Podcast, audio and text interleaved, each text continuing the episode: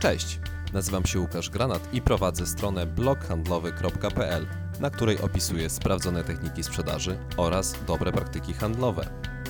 Zapraszam Cię teraz do wysłuchania mojego najnowszego podcastu.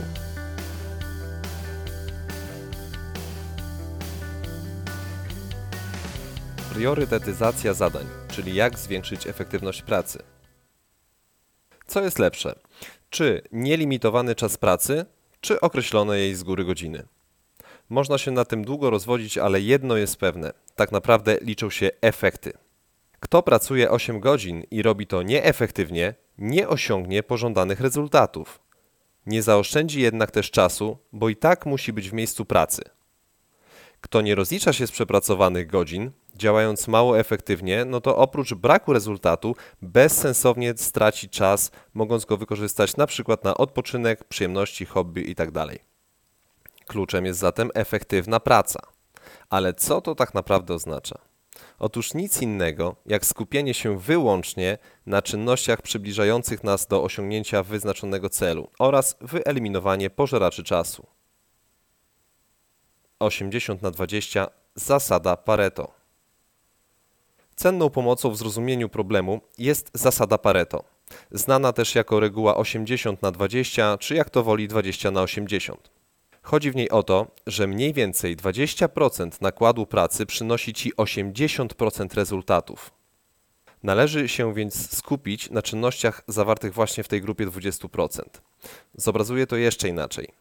Załóżmy, jeśli 80% Twojego zysku jest generowane przez 20% Twoich klientów, to naturalne jest, że im właśnie powinieneś poświęcić najwięcej uwagi.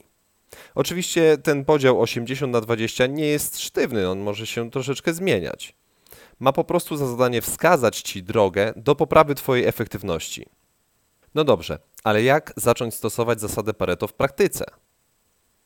Punkt pierwszy. Określ, czemu ma służyć zasada 80 na 20. Jaki masz cel do osiągnięcia? W przypadku handlowca będzie to zysk, marża. Dla sprzedawczyni w salonie obuwniczym celem może być jak największy obrót, a producent z kolei zechce osiągnąć jak największą sprzedaż przy jak najniższym koszcie produkcji i promocji. Przykładem takiego celu może być na przykład obrót miesięczny, załóżmy 100 tysięcy złotych, albo marża 20%. Punkt drugi. Znajdź 20% czynności wykonywanych w pracy, a przynoszących 80% Twojego zysku. Twojej zasłużonej wypłaty. Przykłady: ofertowanie, obsługa zamówień, negocjacje warunków handlowych, wizyty u klientów. Punkt trzeci. Zawęź poszukiwania. Wypisz szczegółowo czynności, z których masz mierzalny zysk. I tutaj przykład według priorytetu. Ofertowanie dla kluczowych klientów, odpowiedzi na najbardziej pewne sprzedażowo pytania oraz zapytania o wysokiej wartości. Dalej, obsługa zamówień w wyznaczonych ramach czasowych. Pierwszeństwo mają zamówienia o najpilniejszej dacie realizacji oraz najwyższych wartościach. Kolejne to negocjacje z kluczowymi klientami oraz szukanie sposobu na akwizycję stałemu klientowi np. całej naszej oferty, a nie tylko jej części. Niektórzy, zwłaszcza w filmach, mówią, że nie negocjuje się z porywaczami. Ja natomiast nie negocjuję z pseudoklientami, szukającymi jednorazowo wyjątkowej oferty, w dodatku na nietypowy produkt i jeszcze o znikomej wartości. Uzasadnione wizyty, od których zależy zamknięcie sprzedaży, wizyty w celu przyjęcia wartościowego zamówienia, też zaliczają się do tych punktów. Mniej ważne wizyty należy odłożyć w czasie lub zaproponować telekonferencję lub prezentację online. Skupiając się właśnie na tych czynnościach, wzrośnie Twoja efektywność, wyniki oraz zyski. Co w takim razie z pozostałymi 80%? W myśl tej zasady z nich też można wyłonić czynności o większym bądź mniejszym priorytecie.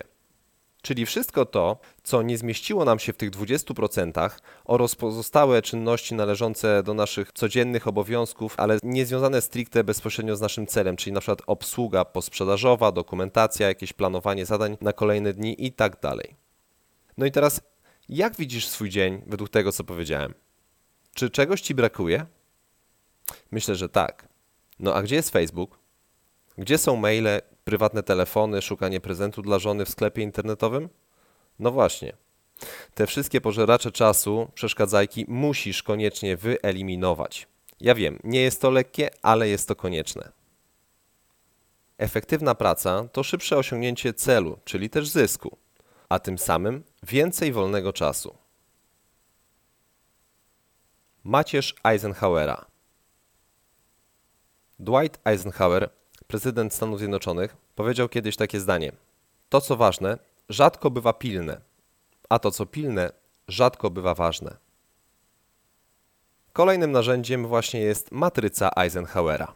To bardzo znany wykres dzielący zadania według wagi i terminu realizacji.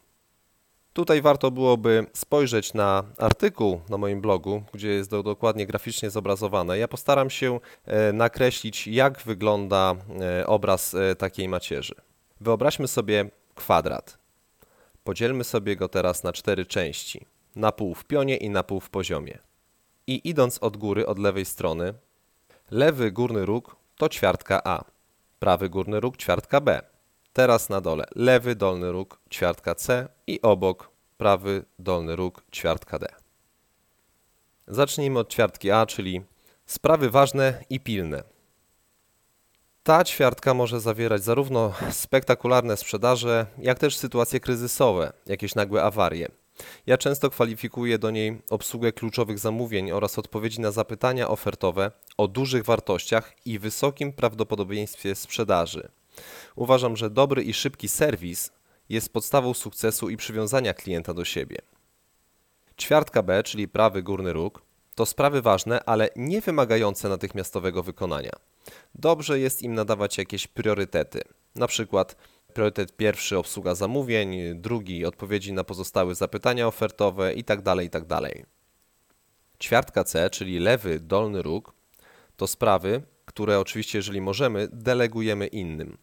Jeśli to nie wchodzi w grę, zajmujmy się nimi wyłącznie w zaplanowanym na to czasie. Można przeznaczyć na nie jakąś małą część dnia pracy. Nie należy przejmować się czymś, czego się nie wykonało w czasie, skoro nie było to coś de facto ważnego. Przykładem może być sytuacja. Kolega z pracy prosi cię o zaopiniowanie jakiejś stworzonej przez niego oferty. No cóż, jeśli wytłumaczysz mu, że miałeś w tym czasie dużo ważniejsze sprawy i niestety nie mogłeś tego wykonać, no to zapewne się nie obrazi. Ostatnia ćwiartka, ćwiartka D, czyli prawy dolny luk, to są sprawy nieważne i niepilne. Proponuję je zupełnie odrzucić. Jak widzisz, ma to wiele wspólnego z regułą 20 na 80. Każda czynność niosąca za sobą mierzalny efekt, czytaj zysk, jest tym samym ważniejsza i pilniejsza do wykonania. Podsumowując, skupiaj się na zadaniach przynoszących efekty. Planuj pracę na kolejny dzień czy kolejne dni. Jeśli możesz, deleguj mniej ważne zadania innym osobom. Eliminuj pożeracze czasu, np. przeglądanie Facebooka, prywatne maile i rozmowy telefoniczne. Odpisuj na maile w określonych przedziałach czasowych, o ile nie obsługujesz oczywiście jakiejś skrzynki firmowej. Pracuj mądrze, ale nie ciężko. Niby nic w tym odkrywczego, ale przyznaj się, czy pracujesz właśnie w ten sposób? Nawet jeśli tak, to na pewno z czasem odbiegasz od założeń. Nie jest to coś bardzo złego, o ile są to sporadyczne wybryki. Grunt to nie wrócić do chaosu na dłuższy czas, bo strata na pewno będzie wymierna. Jeśli zaś nie ustalasz priorytetów pracy, to czym prędzej zacznij to robić. Efekty zauważysz dosyć szybko.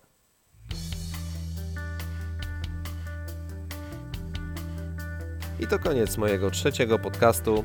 Dziękuję Wam za uwagę i zapraszam na kolejne odcinki. Pozdrawiam, Łukasz Granat, bloghandlowy.pl